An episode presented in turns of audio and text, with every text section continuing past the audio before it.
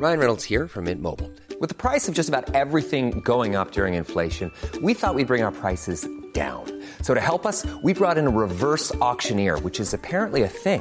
Mint Mobile unlimited premium wireless. Ready to get 30, 30, bit to get 30, bit to get 20, 20, 20, bit to get 20, 20, bit to get 15, 15, 15, 15 just 15 bucks a month. So, Give it a try at mintmobile.com slash switch. $45 upfront for three months plus taxes and fees. Promo for new customers for limited time. Unlimited more than 40 gigabytes per month. Slows. Full terms at mintmobile.com. Subtle results, still you, but with fewer lines. Botox Cosmetic, out of botulinum toxin A, is a prescription medicine used to temporarily make moderate to severe frown lines, crow's feet, and forehead lines look better in adults. Effects of Botox Cosmetic may spread hours to weeks after injection, causing serious symptoms. Alert your doctor right away as difficulty swallowing, speaking, breathing, eye problems, or muscle weakness may be a sign of a life threatening condition. Patients with these conditions before injection are at highest risk. Don't receive Botox Cosmetic if you have a skin infection. Side effects may include allergic reactions, injection site pain, headache, eyebrow and eyelid drooping, and eyelid swelling. Allergic reactions can include rash, welts, asthma symptoms, and dizziness. Tell your doctor about medical history, muscle or nerve conditions including ALS or Lou Gehrig's disease, myasthenia gravis, or Lambert-Eaton syndrome and medications, including botulinum toxins, as these may increase the risk of serious side effects. For full safety information, visit BotoxCosmetic.com or call 877-351-0300. See for yourself at BotoxCosmetic.com. Hej och välkomna till Lille Lördags special. Vi kommer behöva stycka upp den här podden i två poddar för att de kommer bli så otroligt långa annars. Den första podden kommer vi eh, ha en intervju med Julia som är eh, före detta prostituerad och strippa. Och sen i poddel nummer två utav den samma podd så eh, intervjuar vi Katarina Wenstam som är journalist, författare och hon är specialiserad på sexbrott mot kvinnor. Hon är också eh, debattör och skribent på Expressens kultursida. Där hon då har skrivit eh, flera artiklar om just Paolo Gate. Och rubriken på den ena är då 1950-talet vill ha den här snubben tillbaka.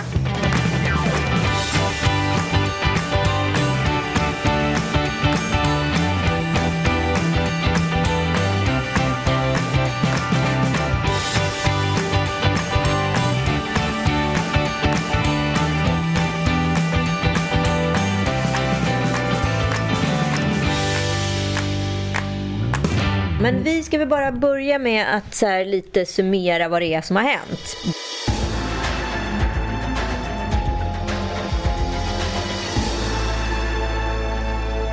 Morgonen till fredagen var det många svenskar som satte morgonkaffet i halsen.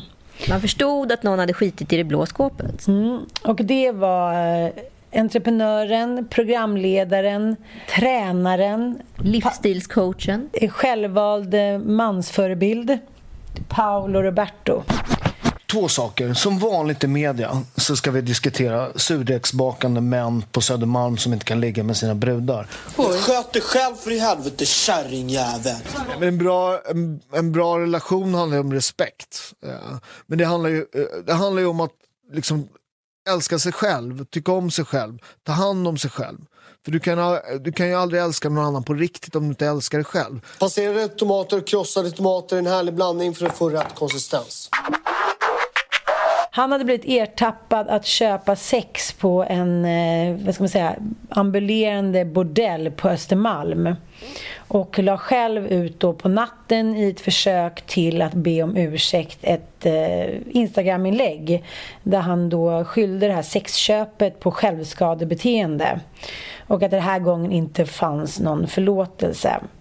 Sen avslutar han det Instagram-inlägget med att nu är det dags att en gång för alla söka hjälp för att reparera hålet i min själ. Men det är som Katarina Wenstam säger också i, eh, i del nummer två här av vår Lillördag special att eh, han borde ha läst på lite om självskadebeteende för att det är inte vad det här handlar om. Det här är faktiskt ingenting annat än en våldtäkt. Och det som jag och Anita eh, ser väldigt tydligt det är just det här att män som köper sex vill stå fria från ansvar. Och det kan vi konstatera att det kanske genomsyrar lite hela det svenska samhället att män inte riktigt vill steppa upp och ta ansvar. Nej, och eh, vi kommer alltså inte prata så mycket om specifikt Paolo Roberto utan mer prata om hur sexhandeln har gått till. Jag började gräva eh, och det var inte speciellt svårt att hitta den här tjejen som man eh, ja, hade då eh, ja, köpt en våldtäkt av eh, på, en, eh, på en sexhandlarsida. Och, men det som slog mig och tog ganska hårt det var att jag insåg att den här hade ju samma programmering som att typ köpa en dammsugare på Eh, elgigant eller en hushållsnära tjänst. Det var ju exakt samma typ av bokning. Eh, men jag upptäckte också då via mina sociala medier, jag har haft otroligt många, jag var rena, rena kundtjänstsysslan den här helgen, eh, många DM som trillar in, otroligt många, sen 90% frustrerade kvinnor men också 10% oförstående män som också tycker att så här, det är ju ditt fel. Du, det är ingen skillnad på dina bilder och den här prostituerade tjejens bilder. Alltså hon fullbordar ju vad du vill sända ut. Så, och det var ju en ganska stark så här, lesson liksom, efter metoo där man då, i alla fall kvinnor tror jag många gånger tänkt så att så länge jag håller i kameran och bestämmer vad jag sänder ut så har jag också makten utav vad som sänds ut.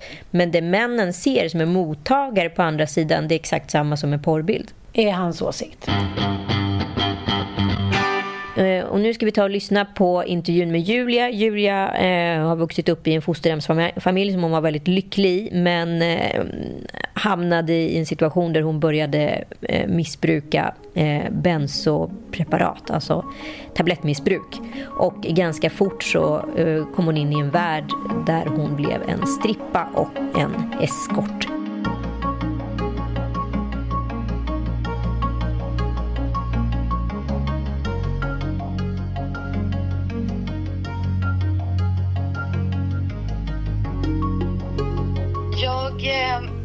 Började med att eh, strippa när jag hade varit ett tag i ett missbruk, i ett tablettmissbruk, framförallt benzo då. Eh, och umgicks med andra människor som missbrukade och som hade kontakt med eh, strippbranschen och sådär. Och fick då en förfrågan om jag ville komma på en audition på en nyöppnad strippklubb i Stockholm.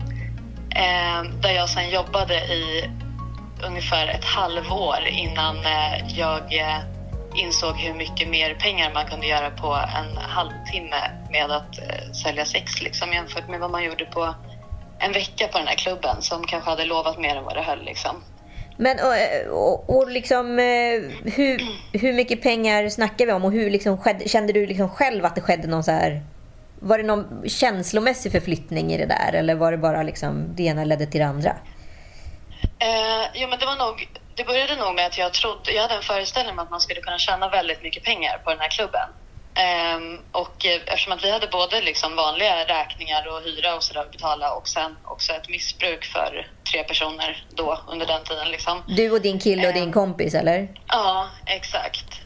Um, så när, när vi insåg hur lite kunder det kom till klubben och sådär och att vi inte alltså, tjänade i närheten av vad vi behövde tjäna ens för att ha en, en inkomst som täckte räkningar liksom, och sen det här missbruket på det. Så, så, var, ja, så frågade min tjejkompis mig då, liksom, kan du tänka dig att åka hem till folk och strippa och kanske liksom ta det lite längre och sådär. Och det var typ så här svensexe stripteaser eller ja, vad var det? precis. Till, till att börja med. Men sen så hamnade vi liksom mer och mer hos eh, ja, ensamma eh, kunder då liksom. Och då var det ju, så suddades gränserna ut väldigt fort liksom vad som var okej. Okay. Och sen så var jag ju dessutom, alltså just, just benzo liksom gör en ju så oerhört eh, avtrubbad och eh, liksom känslokall och eh, eh, omdömeslös och, och, allt som inte är kompatibelt med den här livsstilen liksom om man ska klara sig. Så den förflyttningen mellan att liksom klä av sig och eh, bjuda på en visuell show och eh, faktiskt liksom, eh, låta någon använda eh, kropp, äh, eh, min kropp liksom, var väldigt... Det gick väldigt snabbt och det var inte alls eh, liksom svårt. Alltså det kändes som att... Jag tror att man bryts ner så himla snabbt också av... Eh, I alla fall jag gjorde det, av den miljön eh, som en strippklubb är. och att man man... man eh, gud, hur ska jag formulera mig nu? Eh, man blir lite hemmablind? Liksom. Man tappar självrespekten. Ja, man, man, självrespekten försvinner liksom snabbare än vad man kanske själv märker. Så att man kan liksom glida över i nästa steg innan man ens förstår det själv. Liksom, att man, varför man har kunnat göra det. Alltså, det känns som att hela tiden så ligger ens handlingar, något, mina handlingar låg hela tiden ett steg framför mina tankar. Liksom.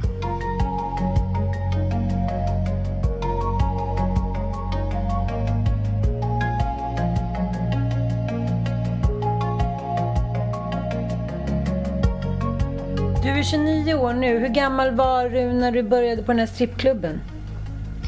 Jag var 20 var jag. Hade jag precis. Ja, exakt 20 var jag. Du hade precis Ja. gått ut gymnasiet. Gick du gymnasiet? Ja, jag gick gymnasiet och sen så efter gymnasiet så jobbade jag eh, i typ ett halvår på café och sådär och sen så träffade jag ja, ett helt nytt umgänge och bröt helt med mitt gamla i eh, takt med att jag började missbruka liksom. Eh, och klippte för att, de, för att jag ja, ville få vara i fred och, och, och göra det jag gjorde liksom, helt enkelt. Mm. Ehm, så att jag förlorade liksom hela mitt gamla umgänge och eh, bröt med min fosterfamilj som jag har vuxit upp i och, och alla liksom och var totalt i den här världen. Det kändes liksom, det kan fortfarande kännas som att jag har varit, som att jag har drömt det. För att det finns ingenting i mitt liv nu, eller mitt liv innan den tiden som har en anknytning till den världen jag var i under det ett och ett halvt året liksom. Och liksom, hur funkade det då i början när man bokade dig? För jag har förstått att du jobbade liksom också mot någon form av e-handelsplattform. eh, ja. Liksom. Mm. Ja, exakt. Ja, men det, eh, då var det så att vi la ut annonser med vad vi eh, gjorde och inte gjorde och då kunde det stå typ eh, ja, skaffa härligt eh, sällskap inför kvällen av Stockholms hetaste strippor, typ. Ehm, ja, hör av dig till, till det här numret med dina preferenser, typ. Och så får man en förfrågan. Det var ju första stilen liksom innan, alltså, innan, det, innan det flyttades över till de här sidorna där, där kunderna egentligen kan klicka i så här, jag vill ha eh, en avsugning, en striptease, en, alltså bara fyll, klickar i liksom, checkmarkerar de grejerna de vill ha och så får de tillbaka en offert typ. Eh, och Alltså- kanske så här, det här gör inte jag. Eller det gör jag för 500 kronor extra. De, det är liksom i, inlagt då i systemet på de här sidorna. Alltså, Och vad var det man kunde, vad ville kunderna beställa för 500 kronor extra? Ehm, ja, vissa... Jag har, jag har sett väl att det, ofta så finns det så här 500 eller 1000 kronors betalning för att folk då eh, har sex utan kondom. Eh, till exempel. Ehm, vilket, ja, det är ju helt... Ja, det- och det, är jag glad att jag inte hade för det, alltså med sjukdomar och sådär, så det har jag alltid liksom varit noga med. Men jag ser att det är en väldigt vanlig faktiskt förekommande, alltså att, att folk lägger till, man kan lägga till några hundra och så kör vi utan kondom. Då släpper man ändå, ändå liksom den kanske viktigaste säkerheten väl på plats ändå, tycker jag. Um, men annars så kan det ju vara att uh, tusen kronor så tar jag med mig en kompis eller eh, är det 500 kronor om, alltså, om någon vill slå en, alltså byt- vad heter det, örfila en i ansiktet liksom. Eller eh, att, man, att, man ska vara klädd på något speciellt sätt eh, går ju också då kanske betala extra för för att man då ska kanske införskaffa något speciellt plagg eller man får ju väldigt mycket bilder i huvudet när du berättar om de här delarna.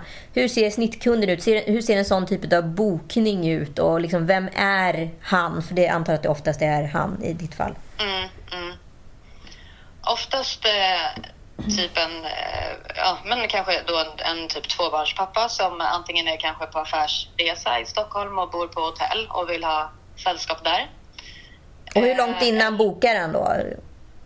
Är det spontant eller inte? Ja, det, jag, jag tänker så här några, några dagar, alltså en vecka. Sällan har jag väl varit med om att de har mer framförhållning än så, men, men sällan heller samma dag. Liksom. Ehm, utan det brukar vara några dagars framförhållning och eh, jag tror att det också, de brukar ju, de, då ville de ju ha kontakt under de här dagarna innan, vilket är oerhört irriterande. Aha, de ville liksom eh, preppa upp lite inför the big happening. Ja, precis. Precis. Ja, men hur känns det för dig nu? Är du taggad? Liksom? Det, det här ska bli superhärligt. Längtar så mycket efter att få ta hand om dig. Och ja, eh, ja. Hur liksom, för mig låter det helt sjukt, men är det det enda sättet för de här männen tror att inte få skuldkänslor? Eller är det bara att det förhöjer sexet sen för att de tror att, att tjejerna är med på det? Så då även om de har beställt då till exempel en örfilning så är det någonting som ni har byggt upp tillsammans inom situationstecken? Ja, ja nej, jag, tror, jag tror att det handlar om, eh, om att det ska kännas som att det är uttalat okej. Okay, liksom. Och Mm. att eh, det som inte är uttalat okej står lite mellan raderna eftersom att vi har ju haft det så himla trevligt liksom, och pratat innan och haft bra kontakt. Och att de känner väl sig lite som en... Jag tror också att det finns någon så här... I vissa liksom, gentleman, de tycker att de, att de är härliga som hör av sig innan och inte bara vill liksom, eh, ses då utan, utan så här, kolla läget och hur är det med dig idag? Och liksom, men det är ju bara så här, då, då tänkte jag ju bara, men då får ni betala för dem minuterna jag sitter och smsar tillbaka också. Jävligt mycket extra jobb Men, alltså. men du sa till mig också att det var mycket så här hembesök när typ frugan är på eh, ja, åker bort över helgen. Då har det planerats Ja. liksom. Ja, absolut. Och då kunde det ju vara antingen eh, den mannen liksom vars familj är bortrest eller den mannen och en kompis till den mannen. är ju verkligen heller inte ovanligt liksom. Ehm, eh, så ja, jo, absolut. Jag har sett många liksom familjefoton på ja, i hyllorna och sådär som man liksom, ja, in, det är väldigt otrevligt. Eh, för att det, det är en så himla så här absurd situation. För mig var det det varje gång eftersom att jag inte liksom var i det här alltså, jättelänge ändå. Så var det ju väldigt konstigt varje gång. Och att då liksom väckas ur den här sjuka, nästan så här, för mig liksom så här, nästan lite psykotisk stämning som, som blir då när man gör en sån, sån sjuk grej. Eh, att då plötsligt kolla rakt in i ett foto med två barn och en fru. Eh, och, eller se liksom post på, på matbordet med, med fruns namn. Eller så här. Alltså då, då blev det ju verkligt på något sätt. Då var det ju inte bara jag och han. Nej. Eh, och då var det inte bara mig som jag skadat. Liksom. Och de gångerna tog emot väldigt mycket mer. Liksom, när man ja, ser att han inte... För att man ser ju på de här männen som typ alltså, eh, plånböcker med kuk. Eller vad får man säga?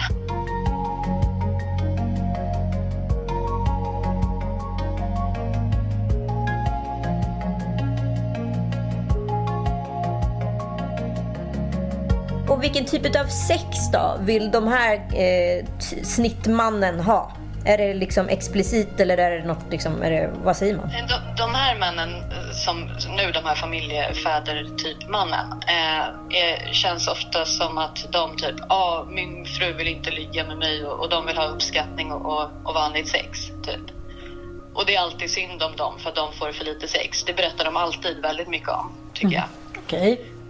Och Eh. känner de sig då, jag menar, de känner de sig, det handlar om att de inte känner sig attraktiva då, de känner sig inte sedda som de brukar säga när de inte får knulla så mycket som de vill.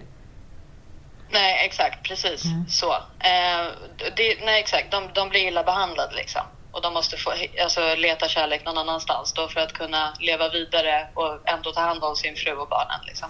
Ja, Okej, så du ger honom lite extra... Så det är liksom en, en betald otrohet med ett betalt samtycke kan man, som man kan säga. Ja, Men, precis så är det. och är, är det liksom lika, för det låter ju ganska så här, nu ska jag inte vara sån, men det låter ju inte som det är så här svinotrevligt innan akten. Är det någonting som sker eller är det liksom nice and neat rakt igenom?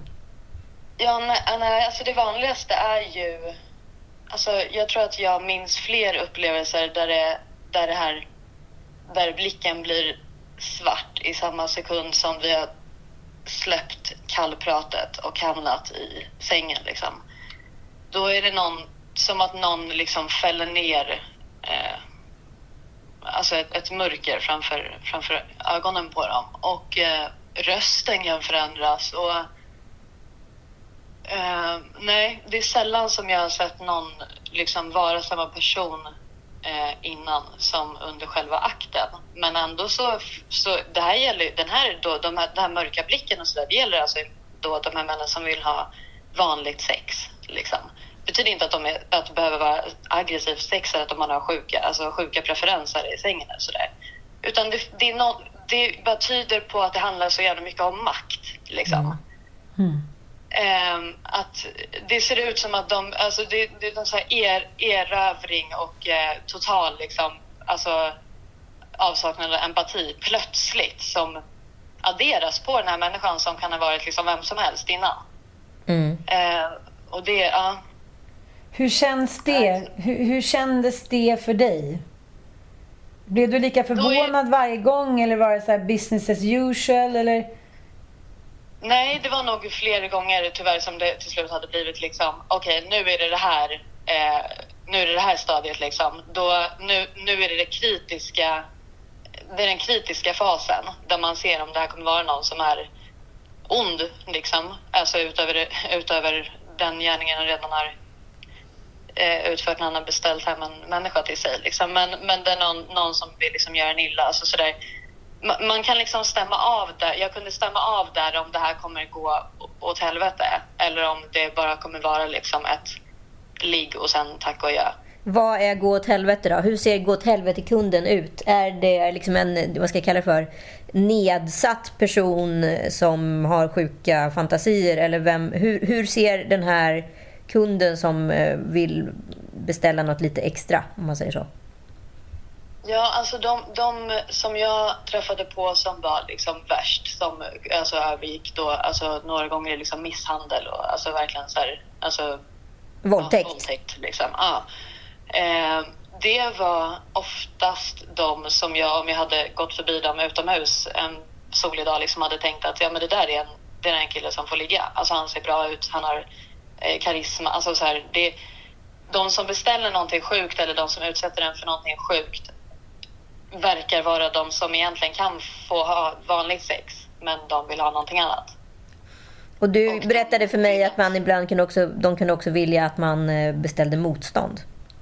Ja, ja och det är ju också vanligt liksom. Och det är nog, det sträcker sig nog över alla kundtyper liksom. Att en och annan vill att man ska göra mer eller mindre motstånd eh, och frågar liksom, alltså att även så här, får, får jag kalla dig för hora liksom?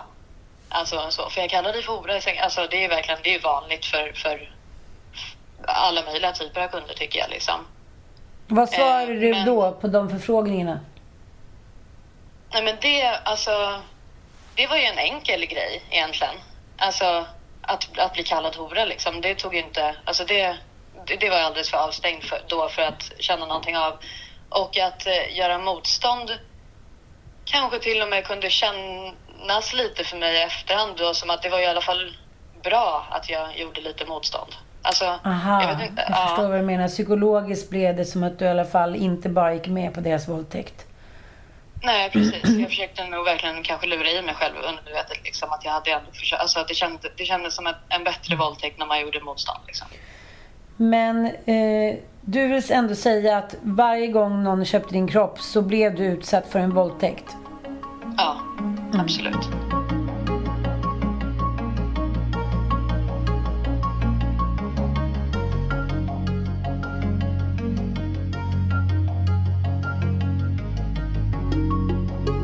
Jag tänker lite, när man utreder män som då eh, utsätter och våldtar barn för eh, sexuella övergrepp, barn, kvinnor, ja, vilka det nu handlar om. De eh, återkommer ofta till att det här är sånt som de har sett på porr. Att det är sånt där de har sett då kvinnor som tuppar av eller kvinnor som eh, ja, suger av, om ursäkta uttrycket, tio killar och tycker det är så himla härligt. Det är våldsporr, det är liknande. Och så vill de göra gagging då, att man stoppar ner eh, liksom kuken så långt ner i halsen att man spyr och liknande. Att det är sånt då som de vill förverkliga liksom med en prostituerad. Var det någonting som, eh, pratade du någonsin med, med kunderna om eller ville de kolla på porr samtidigt? För det här förstör ju mycket, mycket, mycket mer bilden vi har av kvinnor. Att kvinnan som aldrig säger nej. Är det det som männen blir attraherade av? Är det den makten som män fortfarande idag vill ha? En kvinna som alltid är påsättningsbar. Ja, alltså ja, det var inte ovanligt till exempel att jag fick klipp eh, och eh, alltså porrklipp och porrbilder skickade till mig innan eh, som en liten mall. Alltså, är det här Aha. något du kan tänka dig? Gillar du det här? Får det här igång dig? Tänder du på det här? Men man vill ändå förflytta liksom, eh, Kåtman till dig istället för att Ja. det, det är inte så här, det är inte bara, alltså jag, jag skulle kunna tänka mig det här men om du gillar det här, då, då kör vi liksom. Nej, alltså, ju ju sjukare förslag, Ja. desto oftare så, så löd ju frågan, gillar du det här? Ja. Mer normala preferenser som man ville fråga om de gick att tillgodose var ju, det här tycker jag om. Eh, men det är ju lättare att fråga, det, det är lättare att fråga någon liksom, alltså skulle, skulle du typ tända på att bli våldtagen eller? För om jag då säger nej, då kan, då kan han säga nej, nej såklart inte. Än att säga jag skulle Ah, verkligen vilja ja. våldta dig liksom. Det finns ju en Eh, enorm, det finns ju en enorm liksom, ansvarsbrist här hela tiden. Det pratade med Katarina Wenstam också. Liksom, att det verkar som att man hela tiden vill förskjuta skulden. Att man inte så här, kan klara av ansvaret runt sina egna handlingar. Och då, om man då delar bördan med den man utsätter, då, då är man inte heller i skuld. Nej, precis. Nej, men det tycker jag är, alltså det är så, det är så det är. Alltså för, för, alltså det är väl det som är gemensamt för alla som köper sex. Att alla antingen vill att det ska vara, alltså att, att de har betalt för att den här våldtäkten ska vara utan motstånd. Så bra, då var det uttalat. Eller att det ska vara det här, visst kommer vi ha det härligt, du ser fram emot det här. Eh, eh, skickar en, en, en dickpic innan liksom.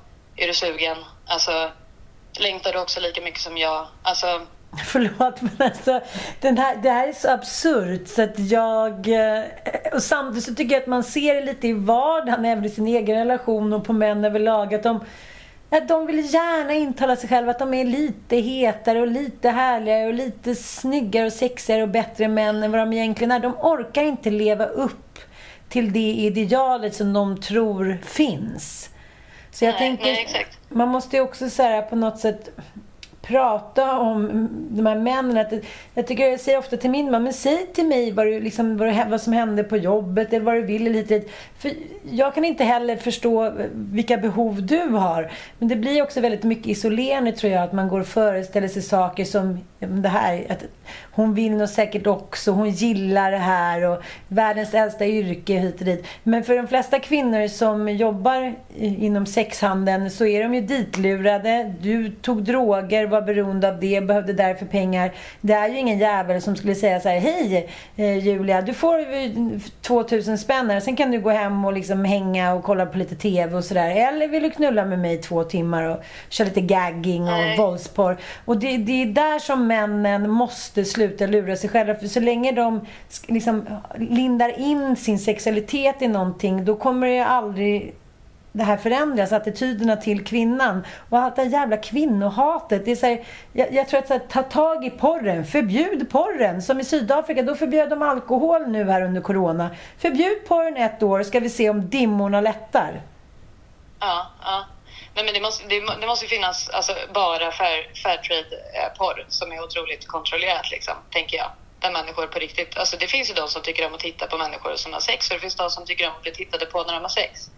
Och det kanske man inte kan liksom, ja, men helt, helt alltså, få bort. Eh, men men alltså, det måste ju vara liksom, det måste vara kontrollerat. Det kan ju inte vara så att, att eh, alla kan lägga ut eller alla kan få tillgång till all porr som hamnar överallt. Liksom. Nej, men man trodde ju liksom att man hade lite så här eh, löst problemet när man tog bort eh, liksom porren från tvn. Men det man glömde bort var ju då att då flyttade in i de dunklare utrymmena, det vill säga internet. Och där kan vad som helst hända och du kan eh, typ specialskräddarsy vilken sinnessjuk akt som helst. Ja, ja.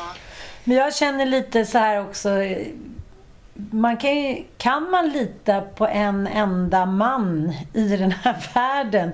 Nu menar inte jag att just Paolo kanske stod som något föredöme. Men, men eh, det känns ju väldigt tungt tycker jag de här dagarna. Eh, hur känner du? Tycker du att man kan lita på män?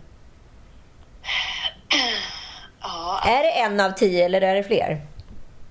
jag tror att det är fler som åtminstone köper någon form av sexuella tjänster. Det Sen tycker jag jag. också att kolla på, om man sitter och kollar på någon som blir våldtagen på porrfilm, då tycker jag att det är också, en, det är också att köpa Ja. sex. Alltså du, du betalar, du, någon betalar någonstans för att någon någonstans ska våldta någon och det ska han- alltså komma ut på film liksom. Men jag måste säga det också, ni har pratat mycket om, om den här ansvarsbristen hos män överlag. Mm. Och den tycker jag genomsyrar ju allt det här, alltså väldigt starkt. Det ska, det ska inte vara hans ansvar efter att han har köpt sex. Det ska inte vara hans ansvar om det blev för, för våldsamt. Det ska inte vara hans ansvar att han är otrogen mot sin fru för att det är hon som inte ställer upp tillräckligt ofta.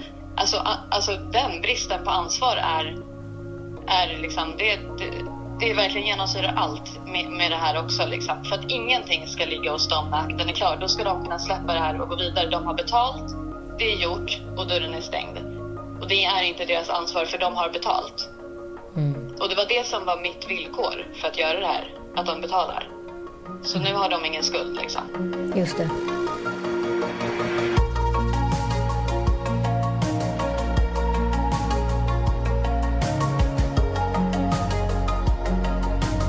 Jag måste bara en sista fråga. Jag tänker på just i det här fallet nu som alla pratar om, Paolo Gate. Mm. Så har ju tjejen såklart också hamnat i ett sekundärfokus när det står att hon kommer från en av de fattigaste länderna. Eh, man framställer, i mina ögon, och rätta mig om jag har fel, känns det som att hon nästan ligger fastkedjad i en sunkig lägenhet på Östermalm och männen kommer liksom gående. Så tittar man på den här hemsidan då där hon har lagt ut bild på sig själv så får man ju en helt annan bild. Och och det är ju samma sak här. Du är en svensk ung tjej, jag vet inte hur du ser ut. Den här bilden av även den prostituerade, det spelar ingen roll som du säger om man ser ren och hel och kåt ut. Allting handlar om att man är där för att man på något sätt måste eller är ditlurad. Hur, hur kan du jämföra situationen för dig och henne på något sätt? Ja, alltså jag läste, det var någon som hade skrivit ett val är ju bara ett val om man har flera val. Så var det ju för mig. Alltså jag kunde ju välja att bli, att bli eh, vräkt och abstinent och eh, inte ha någon el i min lägenhet och all, allt det där liksom. Eh, och inte sälja sex. Det kunde jag ju välja. Eller så kunde jag välja att sälja sex och både kunna liksom försörja mitt missbruk och betala räkningar och sådär. Ehm, men, men det var också flera gånger där jag blev kontaktad igen av någon som hade varit väldigt liksom, våldsam eller elak och jag skrev att jag hade slutat. Ehm, och då, så, då var det ju så här, nej du har inte slutat en gång hora, alltid hora och jag har sett vad det heter i ditt pass som låg i din handväska typ. Alltså, man behöver inte ha liksom en, en hallick eller en, alltså, eller en eh, skuld till någon som man betalar av eller alla, någon av de här utan man, man, man är ju så rädd, alltså rädd för sin säkerhet också. Eller var, jag var rädd för min säkerhet och tänkte liksom att ja, men det är ju bättre att jag åker dit och träffar honom och gör det som han vill då än att han söker upp mig eller min familj eller alltså sådär. Och, och man får ju extremt mycket liksom hot och eh, Eh, ja, men någon säger att den kanske har tagit bilder på en som kommer spridas om man inte trä- alltså, träffas igen. Så att, att bli liksom tvingad till att fortsätta, det behöver inte vara av en person utan det är av hela liksom... Man är ju bara inne i det liksom. Och, Men och det är så mycket lättare då att fortsätta vara inne och försöka bryta och, och så händer det någonting som man inte har kontroll över. Liksom. Keep your enemies close lite grann. Men hur lyckades du bryta ditt mönster? Eh, jag bröt för att jag blev så fruktansvärt eh, osams med både min kille och min kompis då för att det visade sig att de hade gått bakom ryggen på mig på precis alla sätt man kunde göra liksom. Så jag kände mig plötsligt som ett, ett eh, alltså att jag var liksom ett sätt för dem att dra in pengar på det här typ och eh, stack därifrån i ren aggression liksom och satte mig på, på en bar och träffade en kille som, som jag fick eh, sova hos. Och sen så blev vi ihop och sen så blev jag gravid. Och sen var jag ute på andra sidan liksom och hörde aldrig någonsin av mig till den världen igen. Tack snälla Julia för att du ställde upp på en jättebra intervju. Det Tack ger oss många snälla. insikter. Tack Ja. för att ni gör det här och Ja. lyfter det. Varför ska man alltid vänta tills någonting har hänt? Det undrar jag. Och det kommer Katarina Wenström återkomma till också. Så här, varför inte vara lite preventiva istället för att vänta tills någon åker fast, tills någon blir en kvinnoförnedrare, tills någon får en dålig kvinnosyn. Vi måste liksom ändra mäns syn på kvinnor i botten och då måste man börja jäkligt tidigt. Ja, och det funkar ju inte riktigt heller, om jag ska vara riktigt ärlig, att vara för arg på män. För att då blir man ju kallad för en så kallad feminazi på Flashback. Så att så här, ilska kommer inte leda till någonting. Även om jag förstår att det är liksom samtalet efter Julia upprinner så otroligt mycket frustration och vrede. Och man ser om sitt eget hus. Eh, men jag tror så här, det män har problem med är grunden liksom mottagande och det konstaterade ju verkligen Julia. Och den omskrivningen av det så betalda samtycket, att man hela tiden, om man delar på skulden så är inte skulden ens egen. Då har man ju bara gjort en affärstransaktion. Eh, och jag tror liksom att man, man måste våga tvinga män att ta mer ansvar. Det är precis som du säger, Ann, det kan jag också uppleva att så här, herregud vad det kan skrivas om för att slippa ha skuld. Mm. Ja, men jag tycker att det i samhället är stort är att män har väl aldrig egentligen gjort något fel, även i lilla vardagen eller det stora. Det finns någon... Eh, det finns något otroligt motstånd. Och det, det gäller även sådana men, saker som vi har pratat om innan. Så här, är det så jävla svårt att köpa en blomma eller göra någonting fint? Det verkar finnas något motstånd när att kvinnor också har behov. Det som många män och det som porrindustrin bygger sin så kallade succé på är ju att kvinnor är hål som aldrig säger nej. De, liksom, vi är ambulerande knulldockor, vare sig vi eh, är knulldockor eller lever, så att säga. Men vare sig vi tar en selfie eller säljer mm. sex så vi, har vi alltid samma uppsåt och intresse. Mm. Och det tycker jag är problematiskt därför man äger alltså inte sin sexualitet online och eh, det måste man vara väldigt tydlig med. Speciellt tycker jag med unga tjejer som pautar, jag är min dotter redan från nioårsåldern, pautar utan att riktigt, för det gör alla hennes liksom, förebilder eh, och så vidare. Så att man måste förstå så här, vad skickas ut för signaler och eh, vara jävligt noga med det och lära pojkar att ta ansvar från dagisålder. Nu ska vi lyssna på nästa intervju med Katarina Vänster.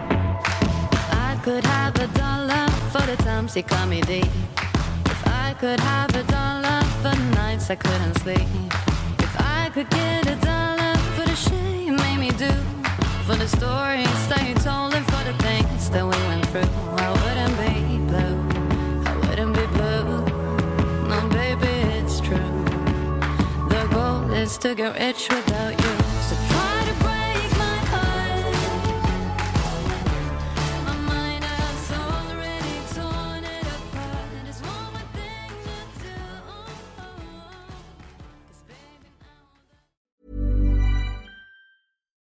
Subtle results, still you, but with fewer lines. Botox Cosmetic, out of botulinum toxin A, is a prescription medicine used to temporarily make moderate to severe frown lines, crow's feet, and forehead lines look better in adults. Effects of Botox Cosmetic may spread hours to weeks after injection, causing serious symptoms. Alert your doctor right away as difficulty swallowing, speaking, breathing, eye problems, or muscle weakness may be a sign of a life threatening condition. Patients with these conditions before injection are at highest risk. Don't receive Botox Cosmetic if you have a skin infection. Side effects may include allergic reactions, injection site pain, headache, eyebrow and eyelid drooping, and eyelid swelling. Allergic reactions can include rash, welts, asthma symptoms, and dizziness. Tell your doctor about medical history, muscle or nerve conditions including ALS or Lou Gehrig's disease, myasthenia gravis, or Lambert-Eaton syndrome and medications, including botulinum toxins, as these may increase the risk of serious side effects. For full safety information, visit BotoxCosmetic.com or call 877-351-0300. See for yourself at BotoxCosmetic.com.